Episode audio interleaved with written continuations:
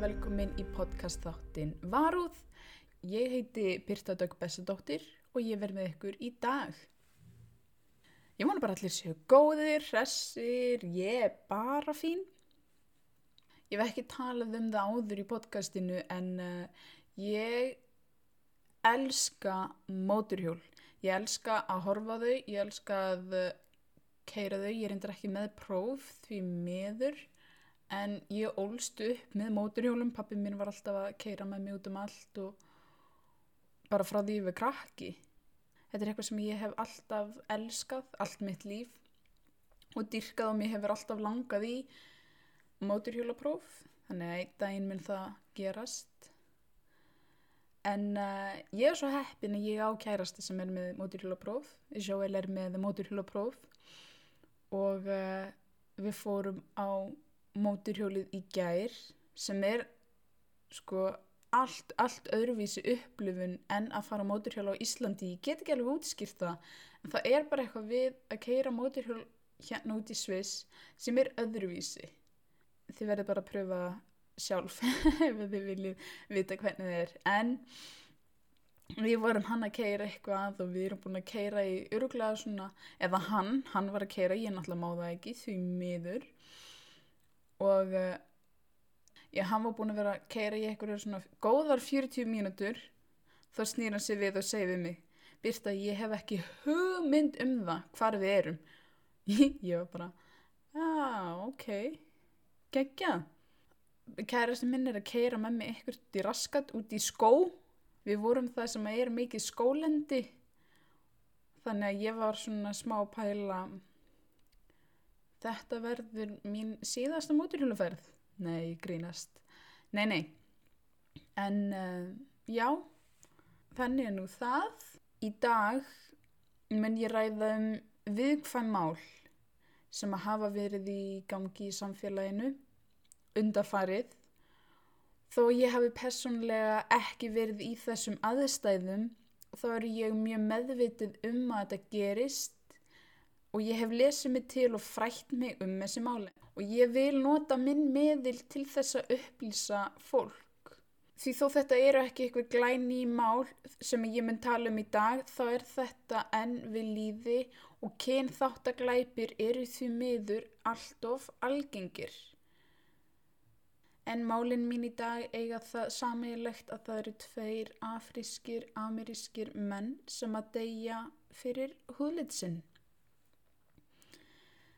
Því er verðt að nefna að varúð er ekki við hæfi barna. Ok?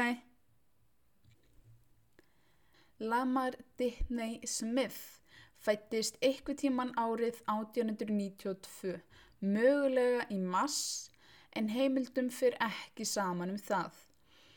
Fóreldrar hans voru þau Levi Smith og Harriet Humphrey. Lamar ólst upp í Lincoln, Mississippi. Því miður er þetta það eina sem við veitum um barnæsku hans. Lamar sótti herrþjónustu og barðist í fyrri heimstyröldinni árið 1917 sem er sama ára langama mín fættist. En hún er 103 ára. Minnum mig, úf, ég þór ekki að fara með það. En eftir að hafa barist í hernum flutti hann aftur heim til Mississippi. Lamar varð virkur í pólitík eftir að hafa flutt aftur heim. Þar sem að Lamar var afrískur, amerískur og dökkur og hörund þá tók fólk honum því miður ekki alvarlega. Það sem að Lamar barðist hvað mest fyrir var að þið leifilegt yrði fyrir svart fólk að kjósa. Það var nefnilega ekki löglegt fyrir svart fólk að kjósa á þessum tíma. Vinna hans skilaði góðum árangri og var hann einn af þeim fyrstu svörtu mönnum til þess að skrá sig sem kjósanda í Lincoln County, Mississippi. Hann varð enn áhuga samari um þáttöku afrisks-amerísks fólks í stjórnmálum, vá hvar mörg essi því. Hann vann hörðum höndum að því að upplýsa og fræða fólk um þáttöku afrisk-amerísks fólks í stjórnmöldum að skrá svart fólk á kjörlista og sjá til þess að svart fólk taki þátt í atkvæðagreiðslum og að telja atkvæði. Árið 1951, þegar Lamar var 59 ára, varð hann partur af samtökum og ég vil afsaka orðbræðið en samtökin héttu Regional Council of Negro Leadership eða RCNL.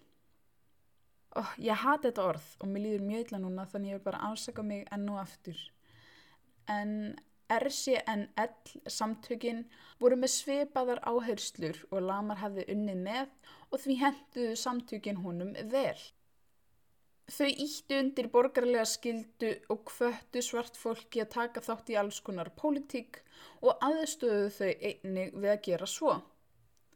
Þann annan ágúst 1955 kaus Smith gegn þáverandi eftirlitsmanni í kostningum fyrir stöðu síslu nefnd eftirlitsmanna í Lincoln.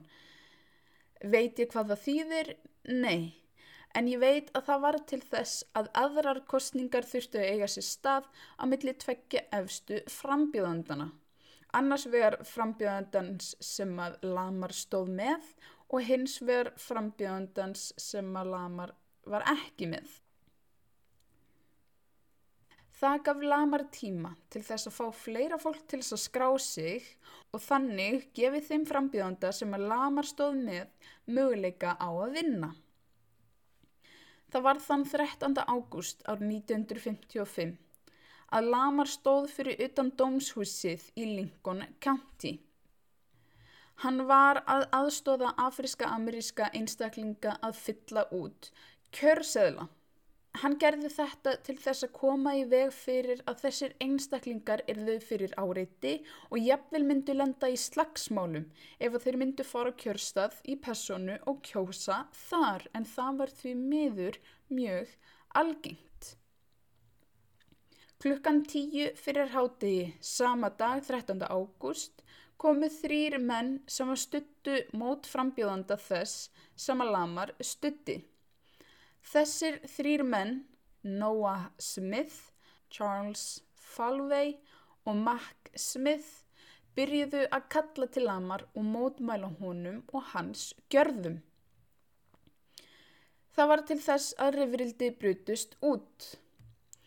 Við það tók Noah Smith upp bissu og skaut Lamar fyrir framann 30 til 40 manns. Þetta fólk sá Nóa hlaupa í burtu allan út í blóði. Þreminningarnir flúðu en lauruglumæður að nafni Robert E. Chase eldi þá uppi. Robert yfirherði mennina en slefti þeim fljótlega og ákvað að það væri ekki negin þörf á að ákjæra mennina. Það vill nefnilega svo til að þessir þrýr menn, Noah, Charles og Mack, voru allir kvítir. Mánuði senna hlustaði dómsnemnd sem samanstóð af 20 kvítum mönnum á vittnisspurð rúmlega 50 til 75 manns. Enginn segðast hafa sér neitt glæpsamlegt eigar sér stað. Dómnemndin hins vegar ákvað að gera eitthvað í málunum. Það er það sem ég vildi óska að ég gæti sagt en því miður ekki. Dómnefndin gerði nákvæmlega ekki neitt. Þegar héraðstóms lögmaðurinn í sí Balló dæmdi vinnubröður Roberts, lauruglumannsins, og ósamræmi í vittnisspurði vittnana voru önnur dómsmál haldin í janúar 1956. En hins vegar kom ekkert nýtt í ljós og enn og aftur var ekkert gert í málinu. Menninir þrýr þurftu aldrei að sæta neinarafsingu fyrir morðið sem þeir fremdu. Lamar Smith lést 63 ára að aldri. Hann var myrtur af yngri ástöðu, bara vegna þess að hann barðist fyrir grundvallar mannréttindum. Nafn hans má ekki gleymast. Hann var bara vennilegu maður, mann sem bondi, barðist í stríðinu og hafði aldrei brotið lögin. Það eru heimildar þættir sem að heita Murder in Black and White. Í þeim þáttum er tekið fyrir morð á svörtum einstaklingum og þáttum nummið tvö er um Lamar Smith. Lamar barðist til þess að gera lífið og framtíðina betri fyrir litað fólk. Fólk eins og James Craig Anderson.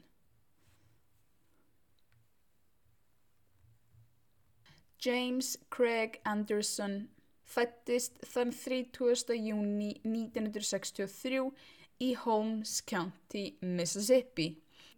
Holmes County er í rúmri tveggja klukkusunda fjarlagð frá Lincoln County, þar sem að Lamar Smith bjó. Við erum í nákvæmlega sama landi, nákvæmlega sama fylki, rúmir tveir klukkutímar á milli, plus mínus. Mamma hans heitir Ansora Andersson. Pappi hans er ekki nefndur en hann lést þegar James var bara ungur strákur. James átti eina sýstur að nafni Barbara Anderson Young og tvo bræður að nafni Louis Anderson og Edwin J. Anderson. Þau sóttu öll skóla í hverfinu sem þau byggu í. James flutti segna til Jackson. Jackson er akkurat í miðjunni á milli Holmes County og Lincoln County. Ef þú keirir í rúma klukkutíma upp frá Lincoln County þá kemur þú í Jackson og ef þú keirir í annan klukkutíma upp þá kemur þú í Holmes County. En þetta er alltaf mjög svipuðum stað. Allavega hana. James sótti kirkju í Jackson og var þekktur fyrir söngsinn sem tenor í kirkjukurnum. James hafði verið í sambandi með manni að nafni James Bradfield í 17 ár og þeir nafnar hjálpuðust að við að ala upp ungan ættingja James Bradfield en hann var forrámaður hans. Þetta er svolítið rugglandi að því að þeir heita sama nafninu en James Craig eða Craig er aðal personan í okkar sögu. James Craig vann á færibandi fyrir Nissan í verksmiðju sem var staðsett í norður hluta Jackson. Nissan er bílategund ef þið vissu það ekki. Þið veitir það öll þannig ég þarf ekki eins og að taka það fram. Árið 2011, nýja árum ago, oh my god, ég trú ekki að við sagt þetta, nýju árum ago, fyrir nýju árum. Árið 2011 var James Craig 47 ára. Í júni sama ár stóð James við bílinn sinn á bílastæði við bensinstöð. Því miður var James Craig Anderson á röngum, oh my, á röngum tíma á röngum stað. Miður var James Craig Anderson á rangum tíma á rangum stað. Guð minn góður. Því miður var James Craig Anderson á raungum tíma á raungum stað. Þetta sama kvöld í júni 2011 var hópur kvítra ungmenna tíutalsins á aldrinum 16 til 19 ára að drekka og djamma í litlum bæ sem að heitir Puckett og er staðsettur í Rankin County í Mississippi. Í Puckett byggu rúmlega 316 manns. Þetta er eins og skagastrund. Ég held að skagastrund sem er þess að stærri ef það er ekki um 400 mann sem á búaðar. Ég þór ekki að fara með það samt þið getið færið á Google og Wikipedia og fundið út ef þið viljið það. En í Puckett var og er meir hlutin og ef ekki bara allir hvítir. Krakkanir ákvaðu að fara eitthvert og finna búð eða sjóppu sem var opinsengt á kvöldin til þess að kaupa sér meiri bjór. Átjónara strákur að nafni Daryl Dedmon og ég er ekki grínast, ég held fyrst að þetta væri Daryl Demon. En hann heitir Deadmon. Ég veit ekki hvað er betra en allavega Daryl Deadmon var aðal gaurin í hóknum hann fór að tala við vini sínum hvað honum langaði mikið að innan gæðslappa fokka í svörtu fólki. Af því það er mjög eðlilegt áhugamál eða hitt og heldur. Hann notaði mjög niðrandi orð sem ég mun ekki hafa upp eftir honum en þið getur gert ykkur hugmyndum hvað hann er að kalla svart fólk. Krakkanir töluðum að finna flöskur til þess að henda í fólk. Svo skipti hópurinn liði. Helmingurinn fór í græna 1998 Ford F250 pallbílinn hans Derils og restinn fór í kvítan Cherokee, segir maður Cherokee, jeppa sem að strákurinn nafni William Montgomery kerði. Þau keirðu alls 26 km í vestanvert Jackson sem að var hverfi í Jackson sem samastóð að mestu leiti af leituðu fólki. Þetta er bara mér þess að næstu því langt á milli skastanadur og blöndósar, 26 kilometrar. Vá! Ef þið hafi keirt á milli skastanadur og blöndósar þá veit ég að þetta er svona cirka þessi vegalind. Ef þið hafið ekki keirt þessa vegalind sem að mér finnst mjög líklegt þá er þetta cirka 15-20 mínútur eitthvað svo leiðis. En uh, það fyrir náttúrulega eftir því hversu vel, hversu góður vegurinn er og uh, hversu hratt þú keirir. Allir hann að keira svo brjálaðingar, allavega hann að skafasturund en þú veist, segi meir, segi meir. Já, þau kerði í hverfi sem að samanstóða mestu leiti af lituðu fólki. William og krakkarnir í kvíta í eppanum voru fyrri til að sjá James við bensinstöðina Metro Inn klukkan 5 að morgni þann 27. júni. Þau ringdu strax í Deril og hinna í græna Hillbilly pallbínum hans og sagðu honum að koma og hitta sig. Þau lögðu bílinum í bílastæði hjá farfuglaheimili sem að var við hliðina á bensinstöðinni. Krakkarnir sögðu að þau hefðu haldið að James sem að var svartur, afrískur, amerískur, þau heldu að hann væri að reyna að stela bílinum. En það sem í rauninni gerðist var að James hafði bara mist liklónu sína og var að leita að þeim til þess að komast inn í bílinn sinn sem að hann átti. Sinn bíl. Samkvæmt vihnum fóru krakkarnir og réðust á James. Þau borðan og rændu. Myndband sem hafa tekið á eftirlitsmyndavél sínir gerenduna lappa inn og út úr myndinni og öskra hatusorð og fordómufulla hluti. Eitt vittni sagði að einn krakkana hafði öskrað white power eða hvítt vald áður en þeir fóru aftur í bílana. William kerði hvíta jeppanum strax í burtu en Deril og tvær stelpur fór inn í græna pallbílinn og áður en hann brunaði í burtu á ofsarraða það kerði hann upp á kantstein og yfir James og kerði hann þannig niður og skildi hann eftir hjálpar vana á jörðinni. James lést skömmu síðar af sárum sínum. Eftir að hafa yfirgefið vettfangin montaði Daryl sig á því að hafa myrt James og notaði rasist slangur og sagði við hinn að krakkana í kvíta bílnum að hann hefði keirt yfir hann. En samt miklu dónleira, hann sagði ekki ég keirði yfir hann, hann sagði það á miklu, miklu verri hátt.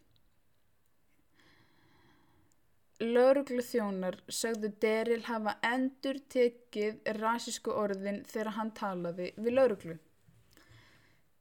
Deril var handikinn tíu dögum senna eða þann 7. júli 2011. Hann var ákjörður fyrir morð og var málið talið hatursklæpur. Hér að stómslögmaðurinn, vá ég ásvarreiknið að segja þetta orð, Héraðsdómslögmaðurinn Robert Schuller Smith sagði að morðikinn hefðu öskrað rasísk hatursorð á meðanað á árásinni stóð. Þetta var hatursklæpur, sagði hann í viðtali við sjónvarstöðuna CNN. Dedmon drap mann vegna þess að hann var svartur, held Robert áfram. Annar drengur, John Aaron Rice, sem að tók þátt í árusinni og reðst á James áður en hann lest, var ákjörður fyrir líkamsárás. Hann borgaði 5.000 dólar að tryggingu og var hleyft úr fangelsi. Það er rúmlega 740.000 íslenskar krónur í dag. En hann var sinna ákjærður aftur og dæmdur í 18,5 ás fangelsi sem betur fyrr. Ef, þú veist, þú kemst ekki upp með morð með því að borga bara aðeins meir en halva miljón sem er alls ekki mikið fyrir líf. En Robert Héraðsdóms lögmaðurinn barðist með kjafti og klóm til þess að hafa réttarhöldin í Jackson vegna þess að meiri hluti íbúa voru litaðir í Jackson.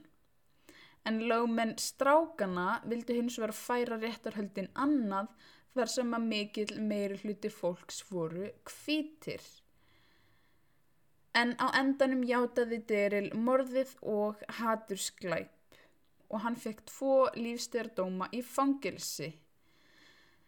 Sá þriði sem var dæmtur í málinu heitir Dylan Wade Butlett en hann fekk alltaf sjöra fangilsistóm með reynslulausn.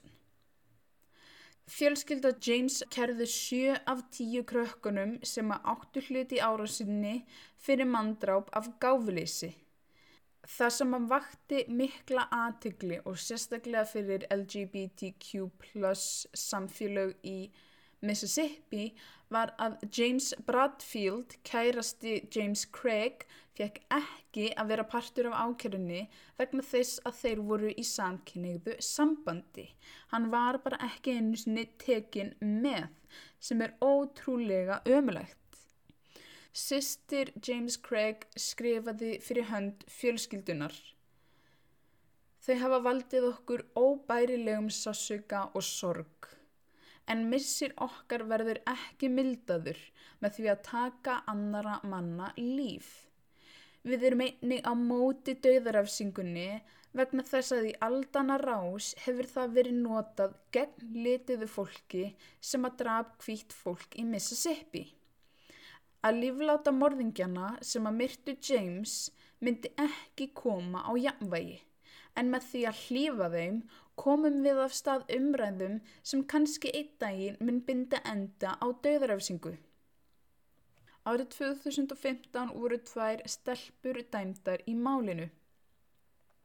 Þar Sarai Dela Graves og Shelby Brooke Richards fengu 5 ár og 8 ár í fangilsi.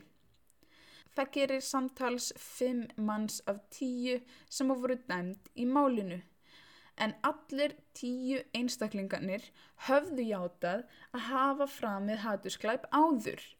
Þau til dæmis byggu til tegjubessur, keirðu og leitiðu af leitiðu fólki og skutu svo glerflöskum í fólk sem að leita út fyrir að vera fátækt eða heimilislust að því að það voru miklu minni líkur á að þau myndu tilkynna glæpin sem er bara ógeðslegt og hörmulegt, þú veist Til hvers?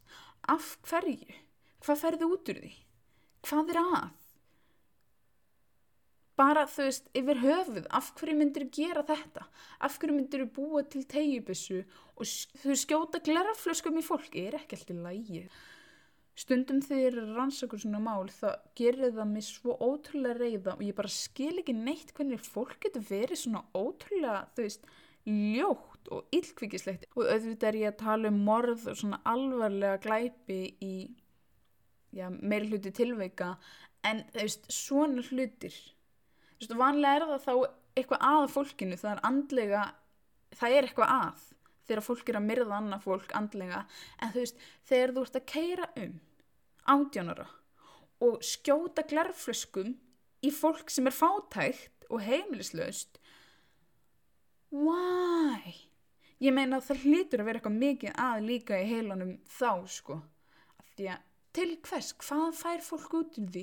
ég á miklu betra líf en þú, ég ætla að sína þér það með því að henda í því glerflösku. Þetta gera mig brjálaði í geðinu stundum. Og veist, ég veit ekki okkur þetta náði eitthvað svona sérstaklega til mín en maður bara svona ægi, já. En James Craig Anderson og Lamar Smith voru báðir myrtir vegna húðlitar síns og því miður gerist þetta enn þann dag í dag. Saklust fólk, menn, konur og börn eru áreitt og myrt bara vegna húðlita síns. Fólk segir hræðinlega hluti um fólk, um og við fólk sem er af Erlendu bergi brotið, líka á Íslandi. Þetta gerist of oft og við verðum að stoppa þetta. Við verðum að líta í eigin barm. Skoðum okkur sjálf, horfum á það sem við gerum, bætum okkur, lögum það og gerum betur næst. Það er svo auðvelt. Fræðum fólkið í kringum okkur því að kynþáttahatur og fordómar eru lærið hegðun. Það fæðist enginn svona. Fræðum börnin okkar, mömmu og pappa, afa og ömmu og vini og ekki þeia þegar fólk segir fordámafulla brandara eða staðhefingar. Látum þau vita að þetta er ekki lægi og svona gerum við ekki. Það er 2020, það er ekki fyndið að segja svona brandara og það hefur aldrei verið fyndið. Leðrættum fólk þó að það sé ykkur sem okkur þykir væntum ekki sópa það undir teppið af því það gerir illt verra. Hættum að nota the colorblind eða litblindu kenninguna. Húðlitur fólks getur verið partur af menningu þeirra. Við megum ekki hunsa kynþátt eitthvers. Það er ómögulegt að eigða út kynþáttahatri ef við horfum ekki á kynþætti fyrst. Að segjast vera litblind eða blindur þýðir að þú ert að hunsa risa part af menningu fólks og hvernig það er. Við megum bara ekki mismuna fólki fyrir það hvernig það er á litið. Það er bara svoleiðis. Hvít leiki er ekki staðallin. Við höfum svo rosaleg forréttindi og það er mikilvægt að kynna sér forréttindi sín. Við erum alinu í samfélagi þar sem að hvítur húðlitur er normið og það á ekki að vera svoleiðis. Og líka bara það er hægt að gera svo auðvelda hluti til þess að koma í veg fyrir þetta. Til dæmis bara tala íslensku við alla á Íslandi. Ef þau skilja ekki þá munu þau láta þau vita en það eru ekki allir á Íslandi hvítir. Það er bara þannig. Ekki allir Íslendingar eru hvítir. Við þurfum að hjálpast að við að útrýma þeim hugsanarhætti. Við verðum að hjálpast að að eigða þessu út og ég get ekki sagt frá minni upplifun að því að ég er hvít og ég hef aldrei lendt í þessu og ég er með svo ótrúlega mikil forréttindi og það eru mín forréttindi að geta setið hér og talað um þetta og sagt ykkur frá þessu. Þó að ég hafi ekki lendið í þessu sjálf þá er mikilvægt að allir séu að tala um þetta. Þú veist bara á góðan hátt samt ekki eitthvað að vera að segja ég hef lendið í þessu mí mí mí mí mí að því að við höfum það ekki. Við höfum engan rétt á því og síðast en alls ekki síst þá eru kynþættir ekki búningur það er bara svo leiðis. Hættiði að klæði ykkur upp í svona búninga af því að það er einmitt kristalklýr dæmi um okkar forréttindi að geta farið í eitthvað búning og tekið hann síðan bara af. Það er ekki rétt. Hættiði því í Guðalamáttu spænum. En uh, já,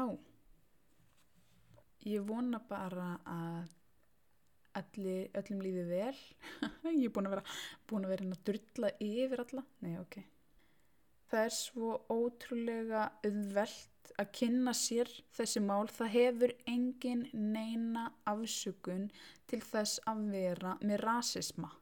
Það er og líka að segja ég vissi ekki betur, það er ekki rétt að því að það er svo ótrúlega mikil fræðisla til og líka á íslensku.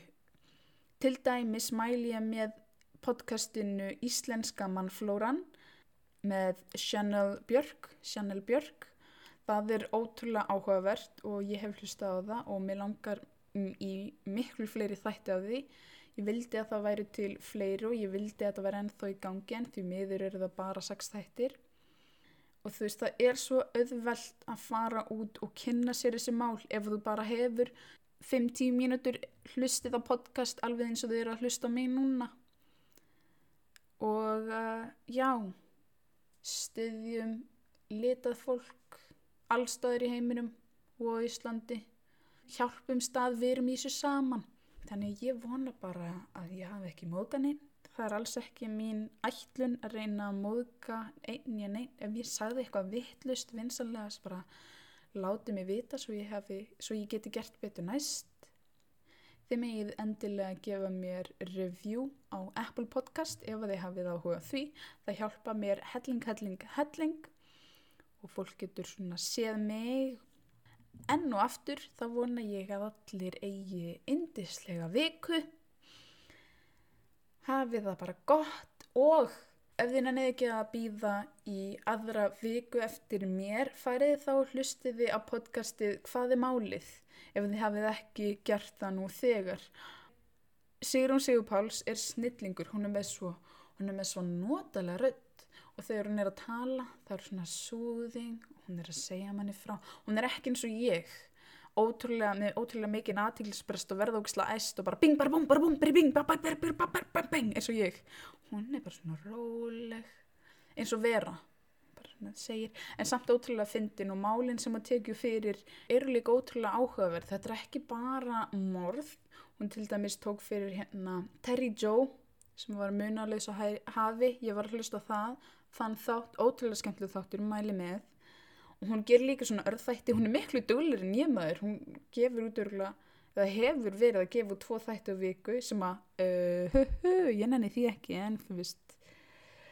Þannig ég mæli eindriði með því að þið hlustið á hvað er málið ef þið hefið ekki gert það.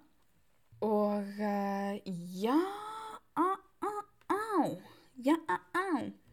Ég þakka bara fyrir mig þakk fyrir að hlusta enn og aftur þanga til næst það heyrumst við. Ég ætla að fara að borða köku. Þannig að ég hveð ykkur að sinni. Verið sæl knús í hús. Bye.